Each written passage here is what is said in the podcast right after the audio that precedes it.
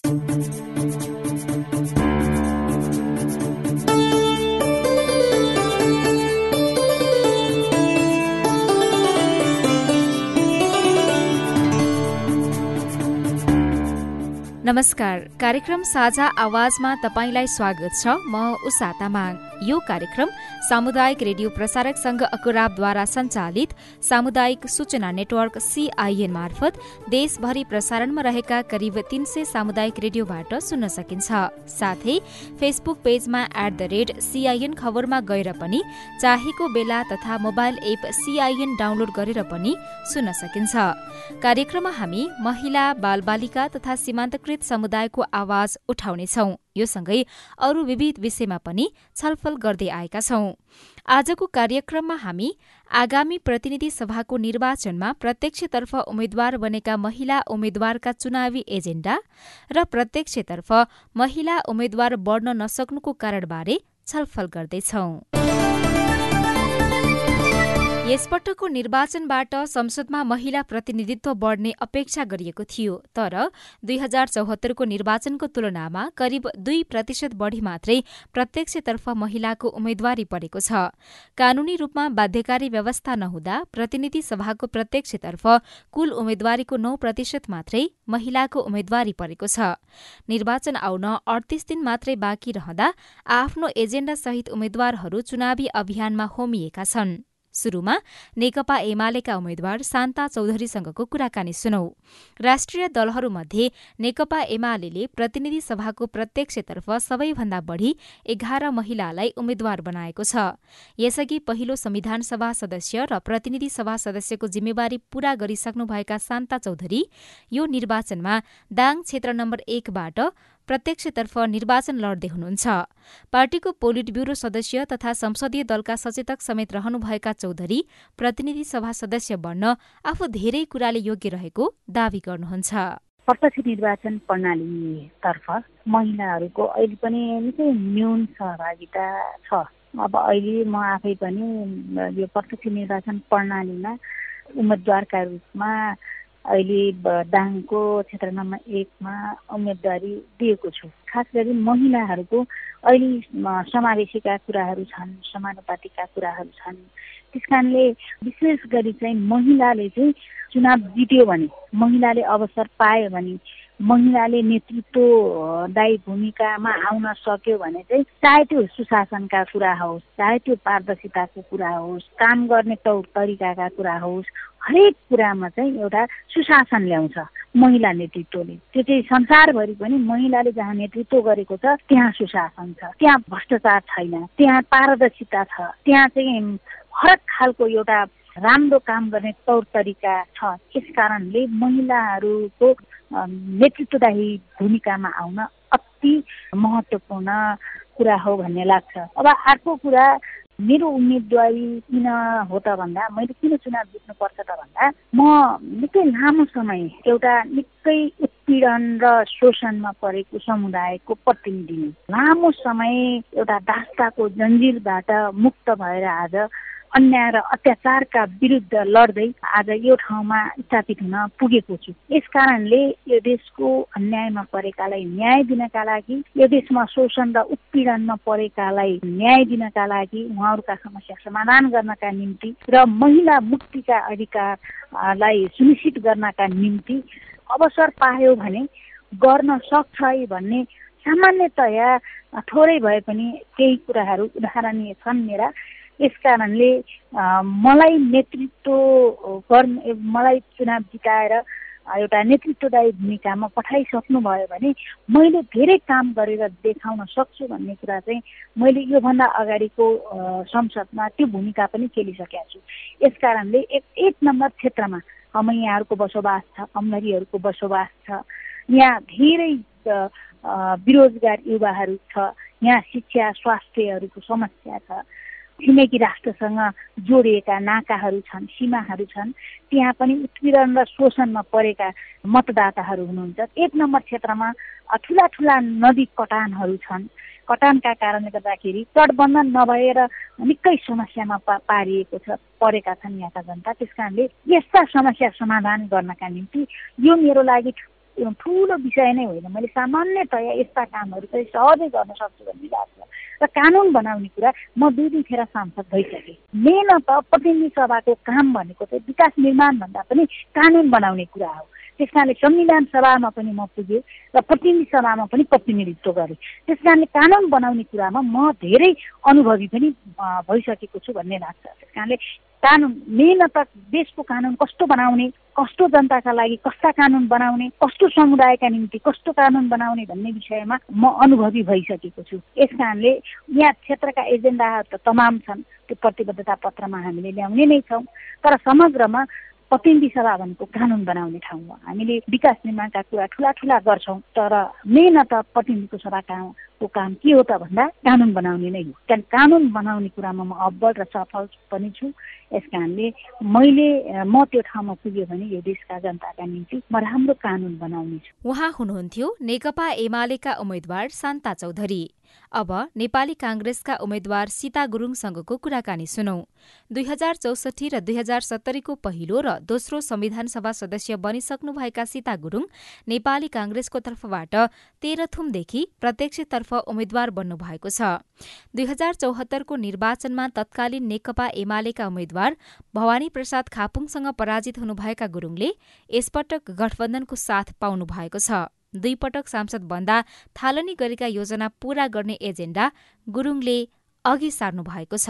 लोकतान्त्रिक मूल्य र मान्यतामा आधारित संरचनाहरूलाई राज्यले नियन्त्रण गर्ने होइन स्वतन्त्र ढङ्गले अगाडि बढ्न सक्ने वातावरण बनाउनु पर्छ भन्ने मुख्य चाहिँ राष्ट्रिय राजनीतिक र मूल एजेन्डा चाहिँ त्यसलाई नै अङ्गीकार गर्दै हामीले संविधानमा समावेशी समानुपातिक समावेशी प्रतिनिधित्वको कुरा उठायौँ। समानुपातिक समावेशी प्रतिनिधित्वको कुरा गर्दाखेरि अहिले पनि राज्यले चाहिँ त्यसलाई सही ढङ्गले कार्यान्वयन गर्ने सही ढङ्गले व्यवस्थापन गर्ने कुरामा कम विषय भइरहेको कारणले गर्दा अब महिलाको जनसङ्ख्याको आधारमा एकाउन्न प्रतिशत प्रतिनिधित्वको कुरालाई त्यस्तै गरेर महिलाको अधिकारहरूभित्र हुने अन्य खालका चाहिँ विभेदहरूलाई अन्त्य गराउनेको निम्ति पनि हामीले समानुपातिकबाट गएर पनि गर्न नसक्ने होइन तर महिलाले क्षमताको विकास पनि गर्नुपर्छ भन्ने उद्देश्यका साथ चाहिँ प्रत्यक्ष निर्वाचनमा होमिन गएको अब जिल्लाको कुरामा चाहिँ आफ्नो क्षेत्रमै रोजेर कुरा गर्दाखेरि चाहिँ नि हजुर? हाम्रोमा भौतिक पूर्वाधारको विकास भएको छैन जहाँ चाहिँ सडकको सबैतिर पहुँच पुगेको छैन सडक विस्तार हुन सकेको छैन। त्यसलाई मुख्य प्राथमिकतामा राखेर त्यस्तै गरेर खानेपानीको शिक्षाको स्वास्थ्यको भौतिक पूर्वाधारका विकासदेखि लिएर प्राविधिक विषयहरूलाई चाहिँ उजागर के अरे हामीले चाहिँ रूपान्तरण गरेर प्रविधि मैत्री र जनको सहज पहुँचमा पुर्याउनको लागि विगतको संविधान सभाको सदस्य भएर मैले केही कामहरू थालेको छु। ती अधुरा कामहरूलाई चाहिँ पूर्णता दिनको लागि भनेर मैले एउटा उम्मेदवारी दिएको छु। अर्को चाहिँ शिक्षासँग जोडेर हेर्ने हो भने पनि स्वास्थ्यसँग हेरेर जोड्ने भने पनि खानेपानी बिजुली बत्ती योसँग जोडेर हेर्दाखेरि चाहिँ त्यसको योसँग प्रत्यक्ष सरकार राख्ने भनेको चाहिँ महिलाहरू नै हुन्छन्। र यसको उचित व्यवस्थापन नहुँदाखेरि चाहिँ महिलाहरूको क्षमताको विकास हुन सकेन महिलाहरूले आफ्नो व्यक्तित्व विकास गर्न सकेनन् अनि आफ्नो स्वास्थ्यको चाहिँ सही व्यवस्थापन गर्न सकेनन्। त्यसैले महिलाको जीवन स्तर उकास्नलाई महिलालाई आत्मनिर्भर बनाउनको निम्ति गाउँमै उत्पादन हुने कृषि कृषि त्यस्तै गरेर कृषिको बजारको व्यवस्था अरू सिपमूलक कार्यक्रमहरूलाई अगाडि बढाएर तेह्रथुम जिल्लामा म चाहिँ भूगोलकै प्रतिनिधित्व गरेर अहिले प्रत्यक्ष निर्वाचित भएर तेह्रथुम जिल्लाको विकास निर्माणको लागि अगाडि बढ्ने भन्ने अठोटका साथ प्रतिनिधि सभाको उम्मेद्वारको रूपमा अगाडि आएको छु। तेह्रथुमको जनताले सीता गुरुङलाई नै निर्वाचित गराउनु पर्ने कारण चाहिँ के छ? तपाईँसँग त्यस्तो खालको एजेन्डा के छ?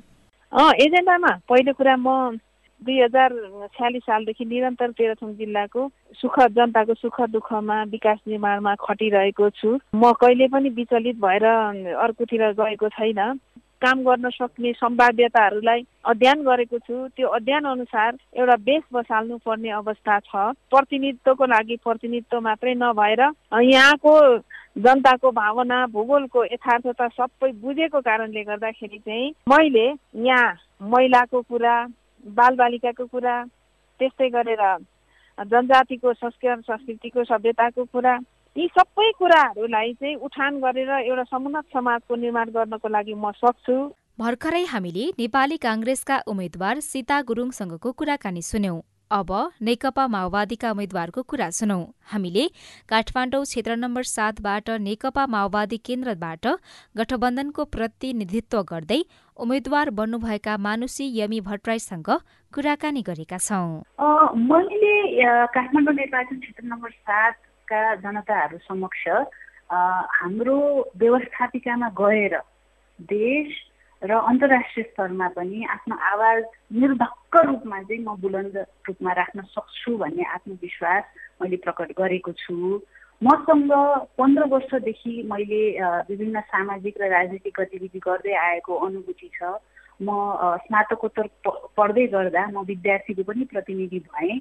जुन बेला विद्यार्थी राजनीतिलाई अत्यन्त फोहोर भनिन्थ्यो त्यो बेला हामीले त्रिभुवन विश्वविद्यालयमा पाठ्यक्रमको विषयमा छलफलहरू चलाउने लगाइएका तालाहरू फोड्ने लगायतका यस्ता रचनात्मक कार्यहरू गरेको अनुभूतिसहित मैले पढ्ने पनि अवसर पाएँ र साइन्स पढ्दा पढ्दै मैले जानी बुझी इच्छाले नै राजनीति शास्त्र पढेको हुनाले मलाई यो पोलिटिकल इन्स्टिट्युसन हाम्रा सार्वजनिक संस्थाहरू राजनीतिक संस्थाहरू सबलीकरण गर्ने विषयमा चाहिँ धेरै रुचि छ होइन? यो सबै कोणबाट अब अहिले म प्रतिनिधि सभाको लागि उम्मेदवार बनिरहँदा म सिधै कार्यकारी निकायमा पुग्ने होइन। म व्यवस्थापिकामा पुग्ने हो जहाँ नीति निर्माणहरू बनाइन्छ जहाँ कानुन बनाइन्छ। त्यसकारण त्यहाँ चाहिँ हाम्रो राज्य प्रणालीको सुझबुझ भएको व्यक्ति पनि पुग्नुपर्ने भएको हुनाले अनुभूति र ज्ञानको सम्मिश्रणसहित म चाहिँ यहाँको जनता समक्ष आफ्नो एजेन्डाहरू जनताको जीविकासँग जोडेका एजेन्डाहरू लिएर आएको छु। थप कुरा चाहिँ म एकजना युवा पात्र पनि हुँ। होइन? मेरो बुवा आमाको पुस्ताभन्दा अहिले मेरो पुस्ता मेरो जेनेरेसनले भोगिरहेको समस्याहरू फरक खालका छन् र त्यसले खोजेको समाधानहरू पनि फरक खालका छन्। म चाहन्छु कि मेरा पुस्ताका साथीहरू सम्मानजनक रूपमा यहीँ नेपालमै काम गर्न पाउन् बाँच्न पाउन् होइन? आफ्नो परिवारहरू लिएर फर्किन पाउन् यहाँ। त्यो त्यो मर्म मैले बुझेको हुनाले पनि अन्य होइन प्रतिस्पर्धीहरू भन्दाखेरि चाहिँ म अब्बल उम्मेदवार छु भनेर चाहिँ विश्वास दिलाउन खोजिरहेको छु। तपाईँलाई नै भोट हाल्नुपर्ने कारण यही नै हो अथवा थप भन्न चाहनुहुन्छ? के नै हुन् यो सँगसँगै म फेरि धेरै व्यक्तिवादी मान्छे पनि होइन होइन? कि म नभइकन हुँदै हुँदैन म भयो भने सबै थोक हुन्छ होइन? रातारात म चाहिँ परिवर्तन ल्याइ ल्याइदिन्छु भन्ने खालको झुटो आश्वासन चाहिँ म गर्न चाहन्न किनकि लोकतन्त्रभित्र चाहिँ हामीले गर्ने भनेको सामूहिक प्रयत्न नै हो। थुप्रै सांसदहरू मिलेर थुप्रै राजनीतिक कर्मीहरू मिलेर सामूहिक पहलमा नै हामीले नीतिहरू निर्माण गर्नुपर्ने र कार्यान्वयन गर्नुपर्ने हुन्छ। यो सामूहिकताको अभ्यासमा म विश्वास गर्ने पात्र भएको हुनाले क्षणिक पपुलिजमको निम्ति होइन भोट तान्नकै निम्ति जे पनि बोल्दा हुन्छ भन्ने त्यो मान्यता नराख्ने व्यक्ति भएको हुनाले पनि म चाहिँ उपयुक्त छु भनेर विनम्र अनुरोध मात्रै गर्ने हो। म नै हुनुपर्छ म नभए हुन्न भन्ने खालको चाहिँ मेरो त्यस्तो खालको आह्वान चाहिँ होइन जितको लागि तपाईँलाई हार्दिक शुभकामना।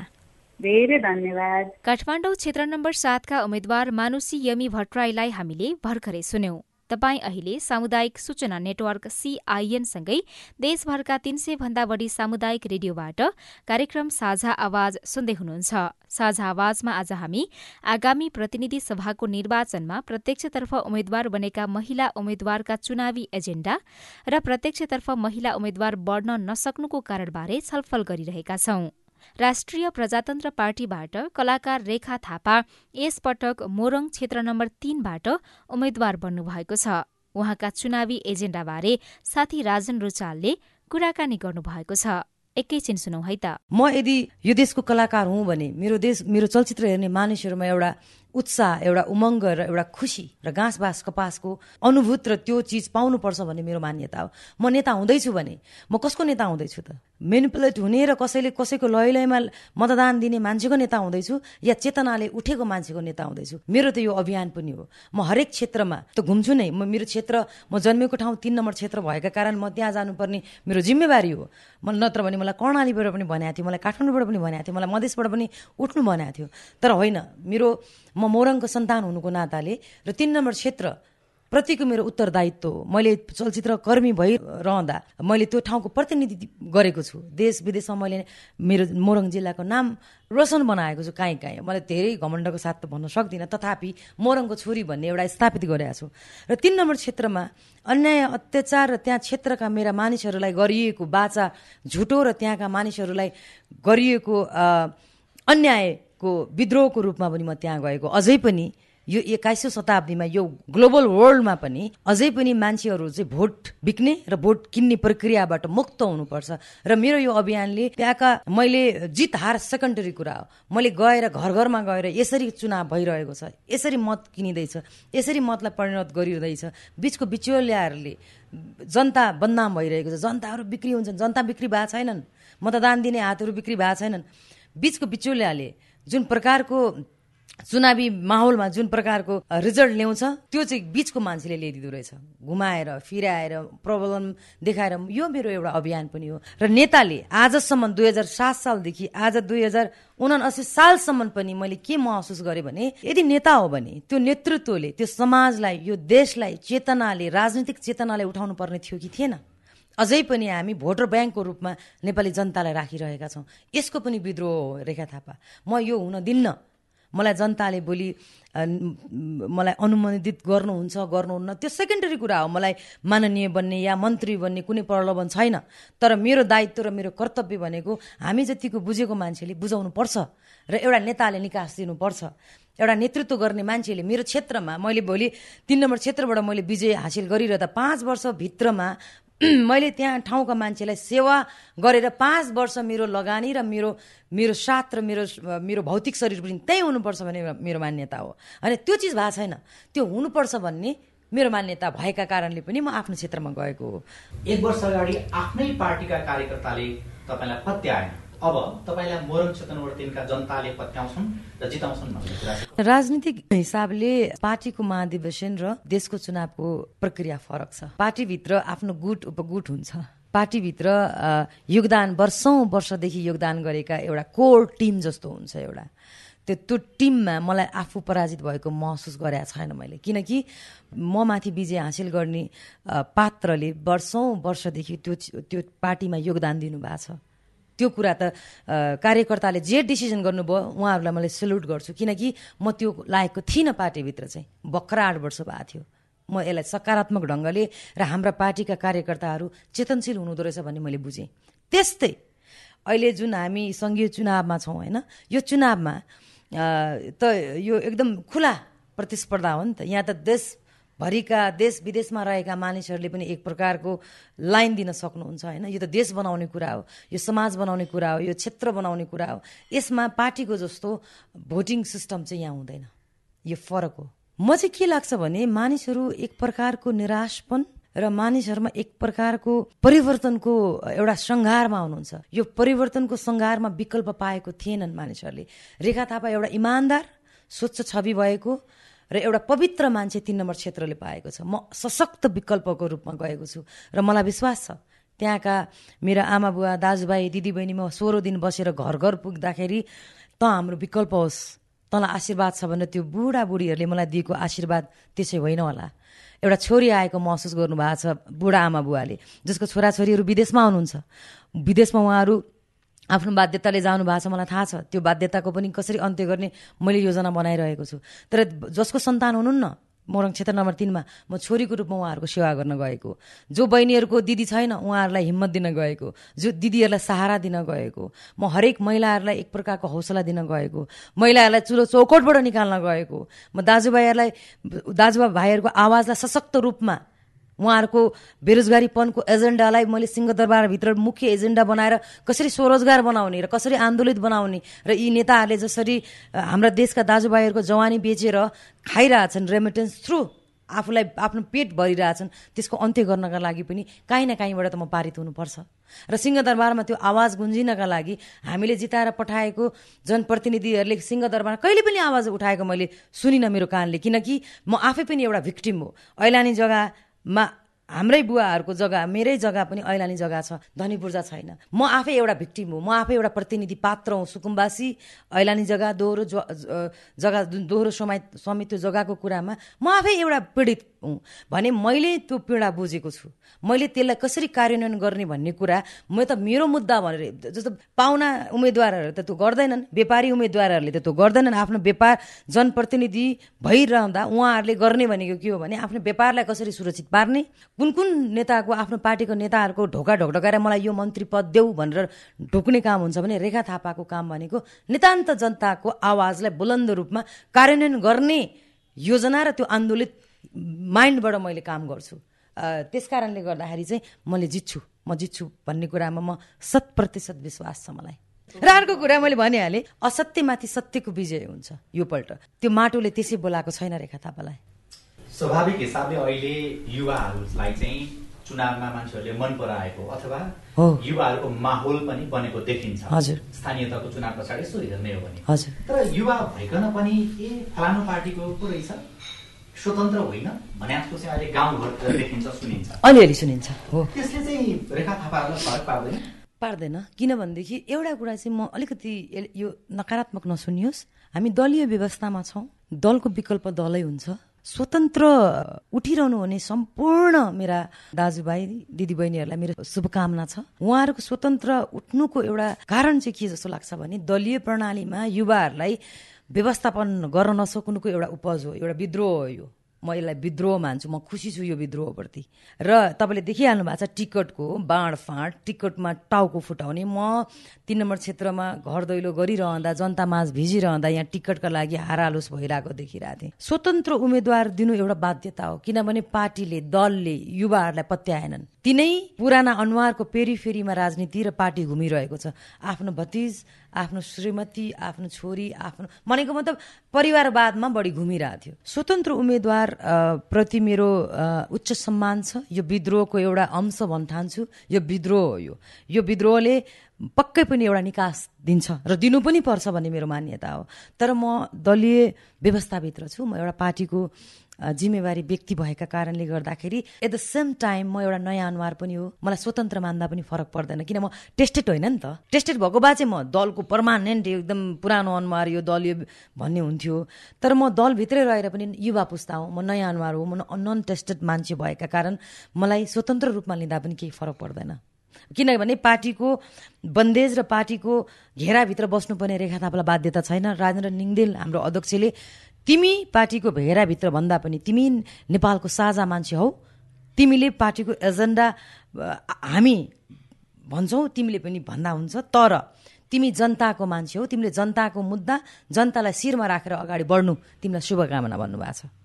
चलचित्रको नायकी गर्दै गर्दाखेरि नेतृत्व गर्दै गर्दाखेरि चलचित्रमा नायक बनेर जनतालाई सचेत बनाउने काम गर्दै गर्दाखेरि के कुरा चाहिँ अपुग भएर तपाईँ राजनीतिमा त्यही त मलाई के लाग्यो भनेदेखि हामी जस्तो सडकमा हामीले आन्दोलन पनि गऱ्यौँ एनसिएल काण्डदेखि लिएर एमसिसी काण्डदेखि लिएर हाम्रो बानेश्वर कतिको याद छ तपाईँलाई? यहाँ बानेश्वरमा म आन्दोलनमा भाषण गर्दै हिँडिरहेको थिएँ होइन? र मैले वर्षौँ वर्षदेखि म आन्दोलन गर्ने एउटा क्रान्तिकारी मान्छे हो। म हरेक अन्याय अत्याचार विरुद्ध लड्ने मान्छे हुँ। मैले चलचित्र मार्फत मैले कथा भन्दाखेरि समाजको प्रतिबिम्बको रूपमा एउटा मेरो चलचित्र सधैँ अभियान हुन्थ्यो। मेरो चलचित्र एउटा आन्दोलनको रूपमा हुन्थ्यो। कसरी मान्छेहरूले लिनुभयो मलाई थाहा छैन तर मेरो मेरो नैतिकता मेरो भावना र मेरो भावनाको केन्द्रबिन्दुमा जहिले पनि चलचित्र भनेको चाहिँ एउटा रूपान्तरणको एउटा विषय हुनुपर्छ भन्ने मेरो मान्यता हुन्थ्यो। र त्यति भइरहँदा म गाउँ सहर कुना काप्चा सबैतिर पुग्दाखेरि मेरा दिदीबहिनीहरूसँग भेटघाट भयो। भेट हुने क्रममा चाहिँ मैले नायकको उपाधि पाइरहँदा म नायक भन्ने मलाई महसुस भएन। मेरा तिनै दिदीबहिनीहरूको प्रतिनिधि पात्र म हो भने नायक म होइन। नायक त मेरा दिदीबहिनी रहेछन् मेरा दाजुभाइ रहेछन् जसले कुना काप्चामा बसेर गाउँघरमा बसेर देश जोगाइरहेका रहेछन्। एउटा विरहमा बाँचेर पनि हाम्रो कला संस्कृति धर्म रीतिरिवाज परम्परा र यो सिंहदरबार धान दिइरहेका रहेछन्। भनेपछि उहाँहरूले कति गुनासोहरू गर्नुभयो कति कुराहरू गर्नुभयो होइन? म प्रतिको आशा हुन्छ नि यो गरिदिन पाए हुन्थ्यो त्यो गरिदिन पाए हुन्थ्यो। मैले यसो सोचेँ म नीति नियममा बनाउने ठाउँमा पुगिनँ भने त त्यो आवाजको सुनवाई हुँदैन। मेरो यो रहर होइन मेरो यो बाध्यता हो राजनीतिमा आउनुपर्ने। यदि देशमा सिस्टम राम्रो थियो हामी महिलाहरूले सुरक्षित महसुस गरेका थियौँ। महिलाहरू पनि सबै महिलाहरू यो देशका आत्मनिर्भर हुने एउटा बाटो थियो। महिलाहरूले आफ्नो स्व अस्तित्वमा बाँच्ने एउटा अवसर थियो र पुरुषहरूलाई पनि एक प्रकारको वातावरण थियो। हामी सबैजना नेपालीहरू एउटा आफ्नो एउटा खुसी साथ आफ्नै देशमा घाँस बाँस कपासका साथ महिला पुरुष बराबरी आत्मनिर्भर भएर सो अस्तित्वमा बाँच्ने वातावरण थियो भने भगवान्को सम्म राजनीतिमा आउँदिन थिए। मलाई कला क्षेत्र नै ठिक थियो नि त। तर यो मेरो बाध्यता हो। मेरो युगमा मेरो समयमा यदि देश खराब हुँदैछ देशको राष्ट्रियतामाथि आँच आउँदैछ हाम्रो राष्ट्रिय गौरव घुम्दैछ हाम्रो ताला चाबी अरू कसैको हातमा छ भने म युवा हुनुको नाताले हामीले यो अभियानमा सरिक हुनुपर्छ कि पर्दैन? यो खराब राजनीतिलाई सुधार्नुपर्छ कि पर्दैन यो मेरो प्रश्न हो। भोलि म बुढी भइरहँदा भन्नको मतलब म साठी सत्तरी वर्षको भइरहँदा अहिले म जसरी आलोचना गरिरहेको छु मेरो मम्मीहरूको उमेरलाई मेरो बुवाहरूको उमेरलाई भोलि अर्को पुस्ताले मलाई पनि खुब सान देखाउँथिस् त। फिल्ममा ठुल्ठुलो कुरा गर्थिस् त। महिलावादी देशवादी राष्ट्रवादी हाम्रो देश हाम्रो नेपाल भनेर सान देखाउँथिस् त। देश त खराब भयो त। हामी देशको पहिचानै गुम्यो त। त कहाँ थियो? त्यतिखेर खालि फिल्मको लागि मात्रै थियो। तेरो अभियान चाहिँ खालि एउटा देखावटी मात्रै थियो। एउटा भनौँ न एउटा फ्रन्ट लाइनमा आउनका लागि नाम चाहिँ मतलब अलिक बढी फिजाउनको लागि मात्रै थियो भन्ने प्रकारको प्रश्नको म सामना गर्न चाहन्न। त्यसकारण म जति सक्छु म बाचुन्जेल म यो परिवर्तन र रूपान्तरण हुनुपर्छ भन्ने मेरो सशक्त माग हो रूपान्तरण गर्नका लागि पनि म आएको मोरङ क्षेत्र नम्बर तीनका उम्मेद्वार रेखा थापासँगको कुराकानीपछि अब भने प्रत्यक्षतर्फ महिलाको उम्मेद्वारी कम परेको कारणबारे खोजी गरौं। हामीले महिला अधिकार कर्मी शर्मिला कार्कीलाई प्रत्यक्षतर्फ महिलाको उम्मेद्वारी किन कम परेको होला भनी सोधेका छौँ। डाटा हेर्दाखेरि झन्झन घट्दो झन्झन खस्कँदो ठुला पार्टी साना पार्टी जेसुकै भए पनि एकदमै स्थिति चाहिँ गम्भीर छ। अब यो गम्भीर हुनमा के कारण हो त भन्ने कुरा चाहिँ उनीहरू चाहिँ भन्छन् महिला उठेनन् भनेर होइन? तर अब कहाँ अप्ठ्यारो छ कहाँ हारिन्छ कहाँ चाहिने उनीहरूलाई दिँदा हुन्छ? अब जहाँ जहाँ राम्रो पार्टीको सेक्युर सिट छ त्यहाँ उनीहरू कसैले पनि छोड्ने कुरै आउँदैन होइन? अनि त्यस पछाडि जाने हारिने यस्तो सिटहरूमा महिलाहरू भर्खरै आएका छन् धेरै रिस्क पनि लिन गाह्रो हुन्छ मान्दैनन् होइन। र अर्को समस्या चाहिँ के राखिदिएको छ र समस्या भन्न थालेँ मैले यो समानुपातिकलाई चाहिँ। त्यो राखिदिएको छ क्या फेरि। अनि त्यसमा दिएपछि महिला स्वयंहरूले पनि के ठानिरहेका छन् भने सिट त सेक्युर भइहाल्यो सांसद हुने सिट त त्यसले गर्दाखेरि त अनि अब अर्को त्यो गाह्रोमा किन जानु पर्यो भन्ने पनि नभएको होइन। उहाँले अहिले पार्टीको मान्छेहरूले चाहिँ यही दोष लगाइराख्नु भएको छ। महिलाहरू उठ्दैनन्। के गर्ने त हामीले? उठ्ने भए पो दिने त भन्नुहुन्छ। हामीले आफ्नो किसिमले लबी गर्दा पनि। त्यसले गर्दा अहिले पनि समान राजनीतिक हैसियत समान दृष्टिकोण समान चाहिने निर्णयकर्तामा सहभागिता समान किसिमको चाहिने एउटा महिला र पुरुषमाले राजनीतिभित्रको चाहिने अपनत्व लिइसकेको अवस्था चाहिने देखिँदैन। यो हेर्दाखेरि त्यति मात्रै नभएर गम्भीरता चाहिँ के भयो भने खस्कदो अवस्था भयो के भयो नि हिजोभन्दा पनि आज। अब यो त डरलाग्दो कुरा के भयो भन्दा तेत्तिस पर्सेन्ट पुऱ्याउनको लागि सुनिश्चित समानुपातिकमा महिलाहरूलाई पठाइदिने। महिलाहरू पनि जो हिजोदेखि तिनपल्ट चारपल्ट परे पनि आफू सक्षम भए पनि जेसुकै भए पनि त्यही हिसाबमा छैन। ठिकै छ नि त अहिले भइहाल्यो भने जस्तो हुने। त्यसैले यो समीक्षा चाहिँ एकदमै चाहिने गम्भीर छ र यसको बारेमा साँच्चै म फेरि दोहोऱ्याएर भन्छु के हिसाबले यसरी बाँडिन्छ कि महिला नउठेका हुन् अथवा महिलाहरू चाहिँ के अरे समानुपातिमा मात्रै रुचाउँछन् अथवा भन्ने कुरा उत्तर चाहिँ ज्यादै गम्भीर देख्छु मैले। महिला अधिकारकर्मी शर्मिला कार्कीसँगको कुराकानीसँगै अब भने हामी कार्यक्रमको अन्त्यतिर आइपुगेका छौं। आजको विषयवस्तु तपाईँलाई कस्तो लाग्यो? कार्यक्रममा कस्ता विषय उठान गर्नुपर्ला हामीलाई सुझाव दिन सक्नुहुनेछ। त्यसका लागि हाम्रो टेलिफोन नम्बर हो शून्य एक बान्न साठी छ चार छ। साथै हामीलाई Facebook page community information network सिआइएनमा गएर पनि आफ्ना कुरा लेख्न सक्नुहुनेछ। हामी तपाईँको प्रतिक्रिया पर्खिरहनेछौ। आजलाई कार्यक्रम साझा आवाजबाट प्राविधिक साथी सुनिल राज भारतसँगै म उषा तामाङ पनि विदा हुन्छु। नमस्कार।